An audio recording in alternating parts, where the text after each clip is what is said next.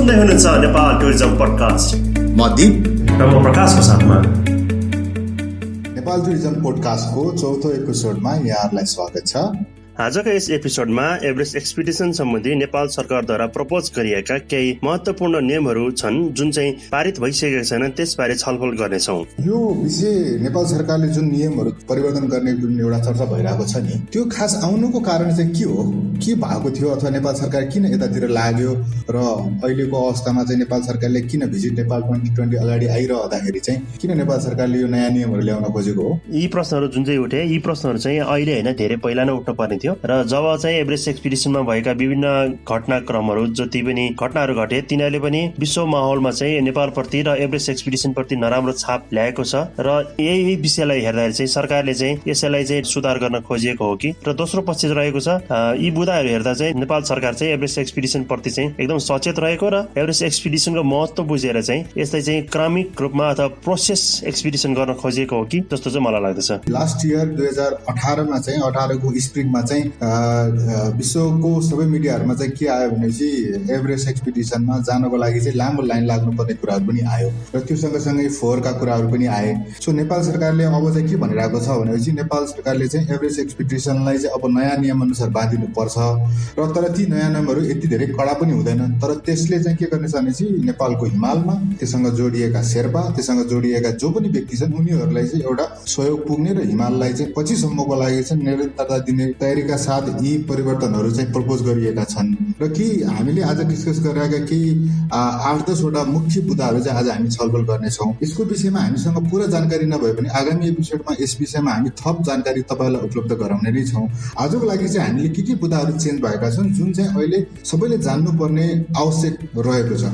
अब मेरो सबैभन्दा प्रमुख मुद्दा के प्रपोज गरिएको छ भनेपछि अब एभरेस्ट एक्सपिडिसन अथवा आठ हजार आठ सय अडचालिस मिटरको हिमाललाई चाहिँ क्लाइम्ब गर्नु छ भने त्यो व्यक्ति चाहिँ नेपालको कुनै पनि सात हजार मिटरभन्दा अग्लो एउटा हिमाल चाहिँ आरोहण गरेको हुनै पर्ने भन्ने एउटा चाहिँ पहिलो नियम राखिएको छ। भनौँ भन्नको मतलब चाहिँ अहिले गएर नतु खैरले चाहिँ मेरो सहरमा त चढ्ने इच्छा छ भन्दैमा चाहिँ सहरमा त चढ्न पाउने भयो हो पैसा छ भन्दैमा पाउँदैन। सो त्यसको लागि पनि नेपाल सरकारले अर्को एउटा नियम के थपेको छ भनेपछि अब चाहिँ कुनै पनि क्लाइम्बर यदि एभरेज चढ्न चाहन्छ भने त्यसको स्किल टेस्टदेखि लिएर उसको क्लाइम्बिङ स्किलको सर्टिफिकेट्सहरू पनि माग गर्न सक्ने भन्ने कुराहरू पनि चाहिँ त्यसमा प्रपोज रुलमा चाहिँ राखिएको छ। सो त्यसले के फाइदा गर्छ भनेपछि एमेच्योरहरू जो चाहिँ कुनै किसिमको ट्रेनिङ अथवा स्किल नभएको पनि एभरेज जान खोजिरहेको हुन्छ उनीहरूलाई एउटा बन्देज गर्ने अथवा उनीहरूको लागि चाहिँ एउटा नयाँ कडा नियम ल्याउने उद्देश्य पनि हो र त्यसले सबैलाई फाइदा गर्छ। ज्यानको जोखिमहरूदेखि लिएर सेफ्टी एन्ड सेक्युरिटीको कुरालाई अझै मजबुत बनाउँछ भन्ने आशा पनि राखेका छौँ। र सहरमा त चाहिँ सबैको खेल नभएर चाहिँ जो चाहिँ इन्ट्रेस्टेड छ जो चाहिँ ट्रेन गरेको छ पहिले पनि चढिसकेकाहरूलाई चाहिँ प्रोत्साहन पनि गर्ने गर्छ अब तेस्रो रुल के छ भनेपछि नेपाल सरकारले परिवर्तन गर्न खोजिरहेको भनेको छ। अब अहिले चाहिँ के भयो भनेपछि नयाँ कम्पनीजहरूले पनि एक्सपिडिसनको अपरेट गर्दाखेरि चाहिँ विगतमा केही समस्याहरू आइपरेका देखे फलस्वरूप चाहिँ नेपाल सरकारले के भनिरहेको छ भने चाहिँ यो एउटा आफैमा रिस्की जब हो। यसको लागि विशेष किसिमको अनुभवहरू पनि चाहिन्छ। त्यो अपरेट गर्ने संस्था अथवा त्यो कम्पनीको लागि चाहिँ। त्यसपछि उहाँले के भन्छन् अब चाहिँ कुनै पनि हाई एल्टिट्युडको एक्सपिडिसनहरू गर्नको लागि चाहिँ तिन वर्षको चाहिँ न्यूनतम चाहिँ अनुभव हुनै पर्ने त्यो कम्पनी अथवा त्यो संस्थामा भन्ने एउटा नयाँ नियम चाहिँ प्रपोज गरिरहेको छ। र त्यसले के फाइदा गर्छ जस्तो लाग्छ भनेपछि उसको एउटा व्यक्तिगत अनुभव उसको संस्थाको अनुभव त्योसँग जोडिरहेका व्यक्तिहरू अथवा उसको शेर्पा गाइड पोटर अथवा जोसुकै भनौँ उनीहरूको अनुभवले चाहिँ एभरेस्टमा कुनै किसिमको घटना भएमा दुर्घटनाबाट बचाउनको लागि क्षति कम गर्नको लागि अथवा कुनै किसिमको प्राकृतिक प्रकोपहरूको बारेमा चाहिँ जानकारी लिनुको लागि उसको अनुभवहरू काम लाग्ने हुँदाखेरि चाहिँ नयाँ नियमहरू यो बनाइएको छ। नयाँ नयाँ कम्पनी जुन चाहिँ भोरमा खोलेको छन् जो चाहिँ पैसाको प्रलोभनमा खोलिरहेका छन् तिनीहरूलाई चाहिँ डाइरेक्टली हतोत्सात गर्ने हो। र पुरानो कम्पनी जसले चाहिँ राम्रोसँग चलाइरहेको छ जससँग चाहिँ धेरै राम्रो अनुभव छ तिनीहरूलाई चाहिँ प्रोत्साहन गर्ने र अब त्यो सँगसँगै बजारमा चाहिँ एभरेज एक्सपिडिसनको खर्च कति लाग्ने भन्ने कुराहरूमा विभिन्न धारणाहरू छन्। यदि हामीले गएर गुगलमा त्यसलाई सर्च गऱ्यौँ भने एक्स एमाउन्टदेखि लिएर वाइ एमाउन्टसम्म त कस्टहरू आउँछन्। र त्यसको भेरिएसन्स यति धेरै छ कि कुन चाहिँ कस्ट चाहिँ सही हो र कुन चाहिँ कस्ट चाहिँ गलत हो र त्यसको मिनिमम कस्ट कति लाग्छ भन्ने कुरा थाहा छैन। र त्यसले के फरक पार्छ भनेपछि मान्छेले सस्तोमा पनि त्यो चिजलाई बेचिरहेको छ एभरेज एक्सपेक्टेसनलाई अनि जसको असर केमा परिरहेको छ कमसल खालका सामानहरू प्रयोग गर्ने कमसल खालको इनएक्सपिरियन्स गाइडहरूलाई पठाउने अनि चाहिँ उनीहरूले भनेअनुसार अथवा कमिट गरे अनुसारको सुविधाहरू उपलब्ध नगराउने भएको हुनाले नेपाल सरकारले चाहिँ नयाँ नियममा के प्रपोज गरेको छ भने अब चाहिँ कुनै पनि एभरेज एक्सपेक्टेसन गर्नको लागि चाहिँ न्यूनतम एमाउन्ट चाहिँ पैँतिस हजार डलर हुनै पर्ने भनेर नयाँ एउटा नियम प्रपोज गरेको छ। अब चाहिँ कसैले पनि पैँतिस हजारभन्दा मुनि चाहिँ एभरेज एक्सपेक्टेसन चलाउन पाउँदैन। पाउँदैन। जसले गर्दा चाहिँ गाइडहरू मर्ने भएन। शेर्पाहरूले चाहिँ आफ्नो एउटा लक्षित स्यालेरी पाउने भए जसले गर्दा तिनीहरूलाई पनि फिनेन्सियल सपोर्ट अथवा मोरल सपोर्ट पनि हुने हो र तिनीहरूलाई काम गर्न चाहिँ लजिस्टिकहरू राम्रो पाउने कारणले गर्दाखेरि चाहिँ तिनीहरूको हेल्थहरूमा पनि राम्रो चाहिँ प्रभाव पार्ने देखिन्छ। अब यो विषय चाहिँ पहिलेदेखि नै चर्चा गरिआएको विषय हो। शेर्पाहरू जहिले पनि नेग्लेक्ट भए हाई एल्टिट्युडमा लागिरहेको कुनै पनि जुन व्यक्तिहरू छन् उनीहरू चाहिँ नेग्लेक्ट भए उनीहरूले चाहिँ पैसा पाएन भन्ने कुरा थियो। भोलि एउटा एउटा चाहिँ न्यूनतम कस्ट निर्धारण गर्दाखेरि चाहिँ उनीहरूले पाउने तलब उनीहरूले पाउने सुख सुविधाहरू उनीहरूले पाउने जे पनि छ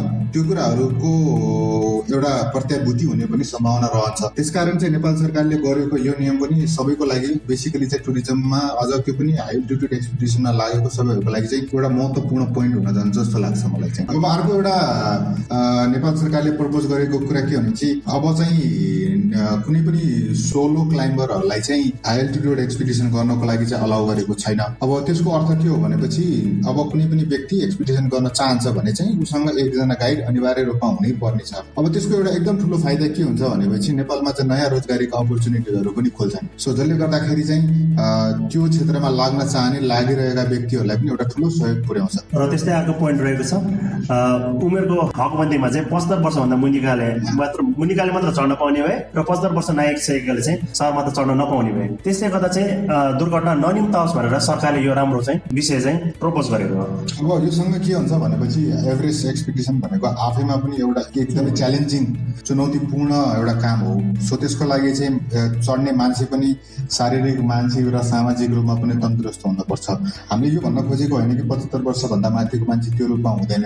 तर हामीले यदि स्वास्थ्यको विषयमा लिएर कुनै एउटा सर्वे रिपोर्टलाई हेऱ्यौँ भने त्यो व्यक्तिमा विभिन्न समस्याहरू देखा परिरहेको हुन्छ जसले चाहिँ उसलाई मात्र होइन उसँगै गएका अन्य आरोहीहरू र पर्वतारोहीहरूलाई पनि असर गर्ने हुँदाखेरि चाहिँ नेपाल सरकारले चाहिँ पचहत्तर वर्षभन्दा माथिका कुनै पनि पर्वतारोहीहरूलाई चाहिँ एभरेज चढ्नको लागि चाहिँ ब्यान्ड गरिने भन्ने एउटा प्रपोज गरेको छ। त्यस बाहेक दृष्टिबिन क्लाइम्बर र दुवै खुट्टा काटिएका क्लाइम्बर एम्पुटेटेड क्लाइम्बरहरूलाई पनि एभरेज एक्सपिडिसन निषेध गरिएको छ। अब त्यो सँगसँगै अर्को एउटा महत्त्वपूर्ण के कुरा के छ भने चाहिँ नयाँ रोजगारीका अवसरहरूलाई चाहिँ के भनेको छ भने चाहिँ अब चाहिँ कुनै पनि हेली फ्लाइटहरू चाहिँ एभरेस्ट बेस क्याम्प भन्दा माथि चाहिँ रिस्ट्रिक्ट गरिएको छ। सो जसले गर्दा के हुन्छ भने चाहिँ त्यहाँ स्थानीय लेभलमा रोजगारीका अवसरहरू पनि बढ्छन्। त्यहाँ कुनै पनि पोर्टर अथवा त्योसँग जोडिएका हाम्रो ट्रेकिङ सम्बन्धी जो पनि एक्सपिडिसन सम्बन्धी जो पनि म्यान पावर छन् तिनीहरूले पनि रोजगार पाउने हो तिनीहरूले पनि तिनीहरूले पनि आफ्नो विकास गर्न पर्ने हो भाषाको विकास हुनसक्छ अथवा सम्बन्धको विकास हुनसक्छ त्यो विकास गर्न सक्ने भए